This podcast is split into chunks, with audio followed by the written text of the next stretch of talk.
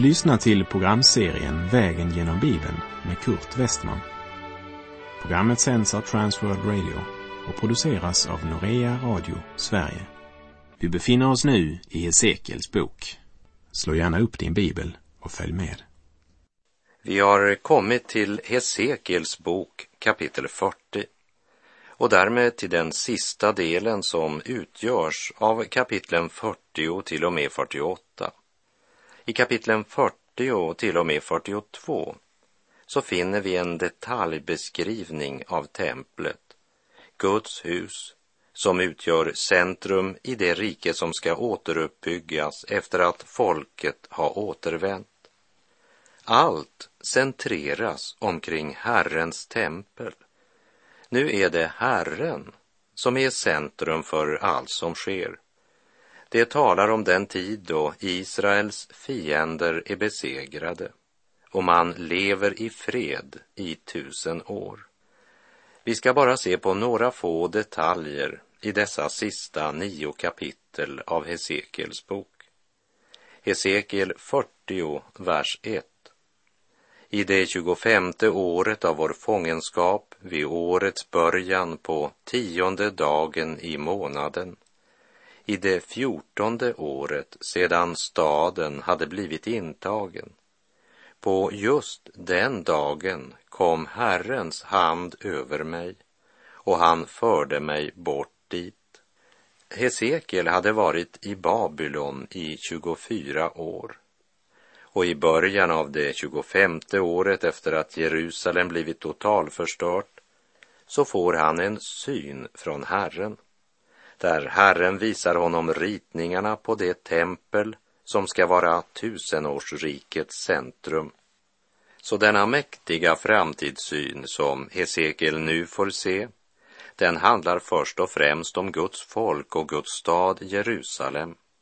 I en tid då allt och alla Israels barn renats av Gud, helgats till att tjäna honom som har gett dem sin ande gett dem nya hjärtan.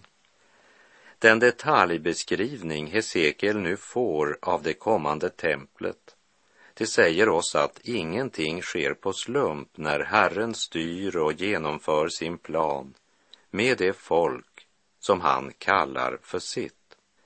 I anden lyfts profeten ur den grå vardagen i Babylon nu ser han inte längre några ruiner eller döda kroppar. Allt är nu återuppbyggt och Herrens tempel är centrum för allt som sker. Hesekiel 40, vers 2 och 3. I syner från Gud förde han mig till Israels land och satte mig ner på ett mycket högt berg. På detta låg söderut något som liknade en stad han förde mig dit och se, där stod en man som såg ut att vara av koppar. Han hade ett snöre av linne i sin hand samt en mätstång och han stod i porten. När det talas om en man med mätstång så är det som regel en ängel. Och mätstången talar om att Gud än en gång tar sig an sitt jordiska folk. Vi möter detta både hos de mindre profeterna och i Uppenbarelseboken. Vi läser Hesekiel 40, vers 4. Mannen sade till mig, du människobarn, se med dina ögon och hör med dina öron och lägg märke till allt som jag kommer att visa dig. Ty du har förts hit för att jag ska visa dig detta. Tala om för Israels hus allt vad du får se. I vers 2 så hör vi att Gud uppenbarar detta för Hesekiel genom syner. Men han hör också Herren tala till honom om allt det som han får se i dessa syner från Gud. Hesekiel 40, vers 5. Och se, det var en mur runt omkring templet. Mätstången som mannen hade i sin hand var sex alnar lång och varje aln var en handsbredd längre än en vanlig aln. Han mätte murens bredd, den var en stång och höjden som också den var en stång. Från och med vers 5 i kapitel 40 och i de följande kapitlen så beskrivs mått och detaljer angående det kommande templet. Men vi ska inte gå in på några detaljer här, utan bara säga att samtidigt som det handlar om ett tempel i rent bokstavlig betydelse, som en gång i framtiden ska stå som denna jordens centrum, så talar det också om Guds hus, hans eget byggverk där vi alla är levande stenar i det andliga hus som kallas församlingen. Petrus skriver i sitt första brev kapitel 2, vers 5. Och låt er själva som levande stenar byggas upp till ett andligt hus, ett heligt prästerskap som ska frambära andliga offer, som Gud, tack vare Jesus Kristus, tar emot med glädje. Det står nämligen i skriften, Se, jag lägger i Sion en utvald, dyrbar hörnsten och den som tror på den ska aldrig komma på skam. När vi kommer till verserna 39 till och med 42 så får vi veta att offerordningarna med brännoffer, syndoffer och skuldoffer åter kommer att praktiseras den dag detta tempel är uppbyggd. Men då inte som något som pekar framåt på det som ska komma, men något som pekar bakåt på det som redan är fullbordat. Jag ska återkomma till det i kapitel 45. Vi läser Hesekiel 40, vers 44. Utanför den inre porten fanns på den inre gården två tempelkamrar för sångarna.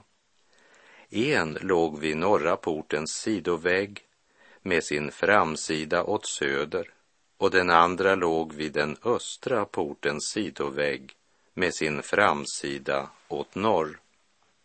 Sången och musiken har ju alltid varit en viktig del av gudstjänsten. Och i vers 47 påminns vi om brännofferaltaret som symboliserar Golgata och som var placerad i förgården dit alla kunde komma. På Holy Land Hotel i Jerusalem, där finns en underbar modell av templet så som det såg ut på kung Herodes tid. Och när jag stod där och betraktade denna modell anade jag något av dess storhet. Men det sista templet som ska komma ska överträffa alla tidigare tempel i Jerusalem. Det tempel som blev byggt när de återvände från fångenskapet i Babylon var inte ens något i närheten av det tempel som blev ödelagt efter deportationen. Men Herrens tempel ska än en gång resas i Jerusalem. Och Hesekiel kapitel 43 till och med 46 beskriver Guds tjänst och tillbedjan, högtider och offer i detta tempel.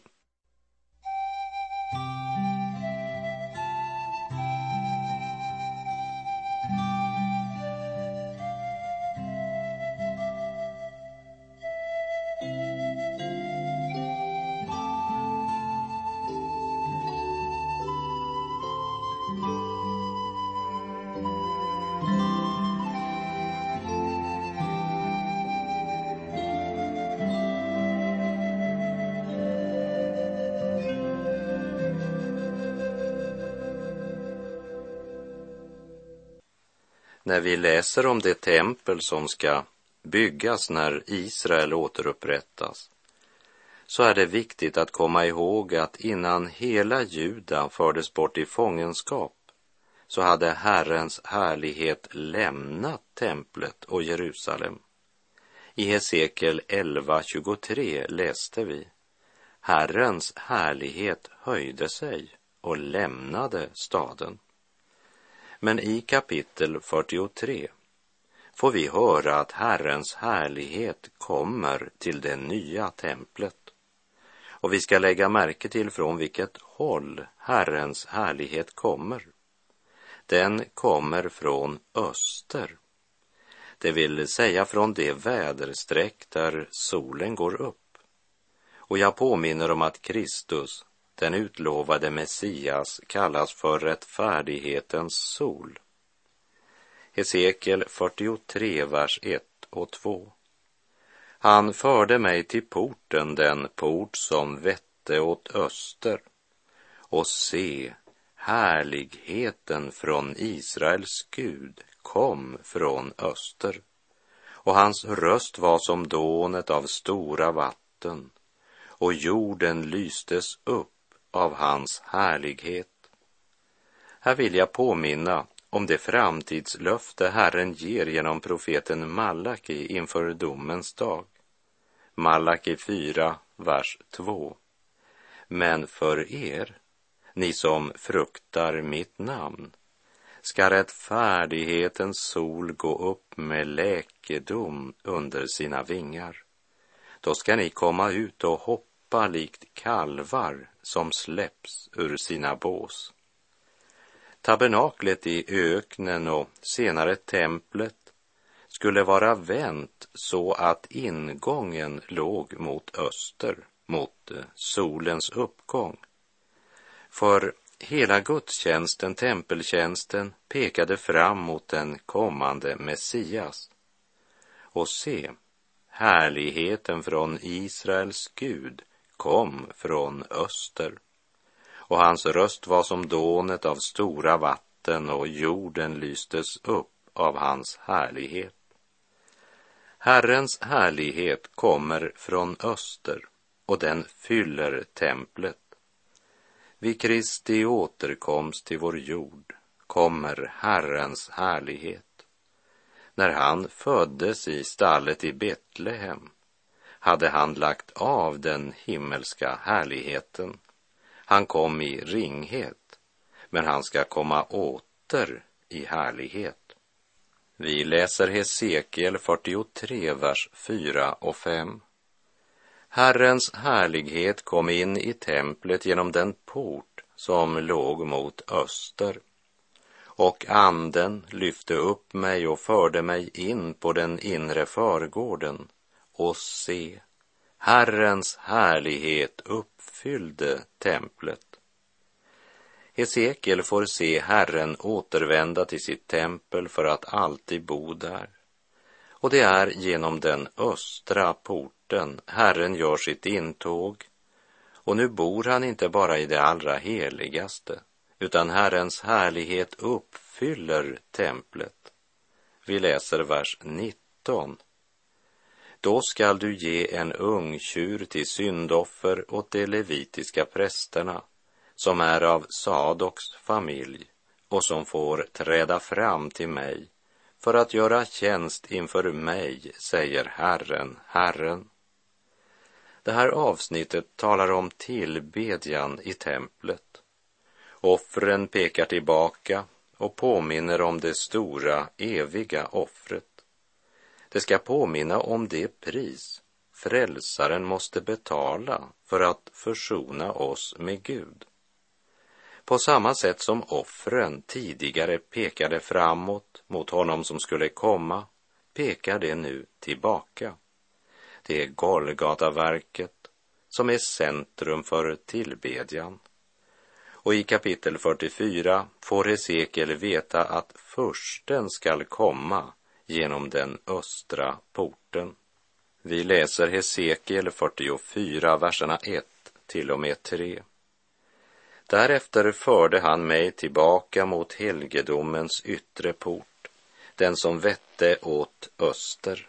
Den var nu stängd. Herren sade till mig, denna port skall förbli stängd och inte mer öppnas, och ingen skall gå in genom den. Ty Herren, Israels Gud, har gått in genom den. Därför skall den vara stängd. Dock skall fursten, eftersom han är furste, få sitta där och äta sitt bröd inför Herrens ansikte. Han ska då gå in genom portens förhus och samma väg skall han gå ut igen. Den östra porten i Jerusalem, den är idag totalt igenmurad. Jag vet att det finns bröder som menar att vi befinner oss i tusenårsriket. Och dessa menar då att den igenmurade östra porten är en uppfyllelse av löftet i Hesekiel och att porten inte kommer att öppnas förrän Messias kommer åter. Jag har två invändningar mot den tankegången. Och det första det är att den förste som omtalas i Hesekiel 44.3 inte är Herren Jesus Kristus. Eftersom Hesekiel i kapitel 45 och 46 talar om att denne förste bär fram offer och tillber Gud och därför kan han inte vara Herren Jesus. Herren Jesus är Gud och han har aldrig och kommer aldrig att bära fram några offerdjur. Det är inte nödvändigt för honom eftersom han fortfarande kan säga Vem av er kan överbevisa mig om synd? Som det står i Johannes 8.46. Så försten i Hesekiel 44.3 är inte Herren Jesus Kristus. Personligen så tror jag att det är David. Jag är klar över att det finns många kunniga och kloka bröder som inte är eniga med mig i att det är David. Men de är eniga i att det i alla fall inte är Herren Jesus, utan de menar att det är en ny förste av Davids ett. Ordet som här översatts med förste är inte Nagid, men Nasi. Nagid talar om pompa, prakt och ståt, medan Nasi betyder på en gång ödmjuk, trofast, ansvarsmedveten, värdig statschef. Ämbetet ger honom rätt att hålla en offermåltid och äta sitt bröd inför Herrens ansikte. Men längre än så kan han inte komma. Det är den heliga ordning som råder i Herrens hus. Min andra invändning är att porten som Hesekiel talar om uppenbart inte är porten i stadsmuren utan den yttre förgårdens östra port i templet. Det är sant att templet i Jerusalem är ännu inte återuppbyggt igen och det måste ske innan något av det som Hesekiel här skriver om kan gå i uppfyllelse.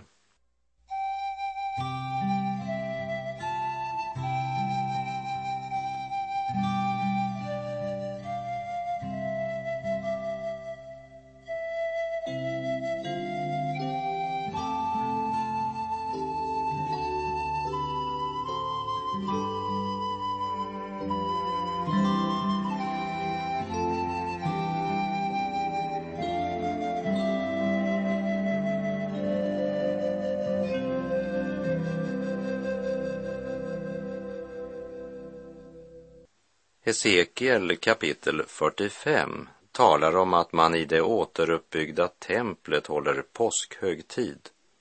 Vi läser Hesekiel 45, vers 18 till och med 22. Så säger Herren, Herren, på första dagen i första månaden ska du ta en felfri ungtjur och rena helgedomen. Prästen skall ta lite av syndoffrets blod och stryka på templets dörrposter och på altaravsatsens fyra hörn och på dörrposten till den inre förgårdens port. Så skall du göra också på den sjunde dagen i månaden för den som av misstag eller av okunnighet har syndat. På detta sätt ska ni bringa försoning för templet. På fjortonde dagen i första månaden skall ni fira påskhögtid. I sju dagar skall ni hålla högtid och man ska då äta osyrat bröd.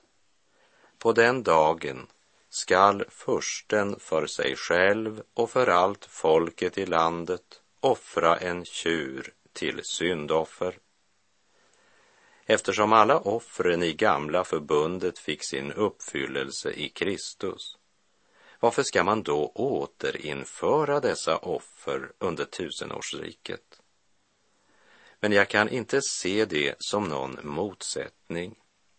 Det är en åskådningsundervisning som pekar tillbaka på Kristi fullbordade gärning på samma sätt som vi firar påskhögtid eller firar Herrens heliga nattvard. Vi läser i Lukas 22, 19.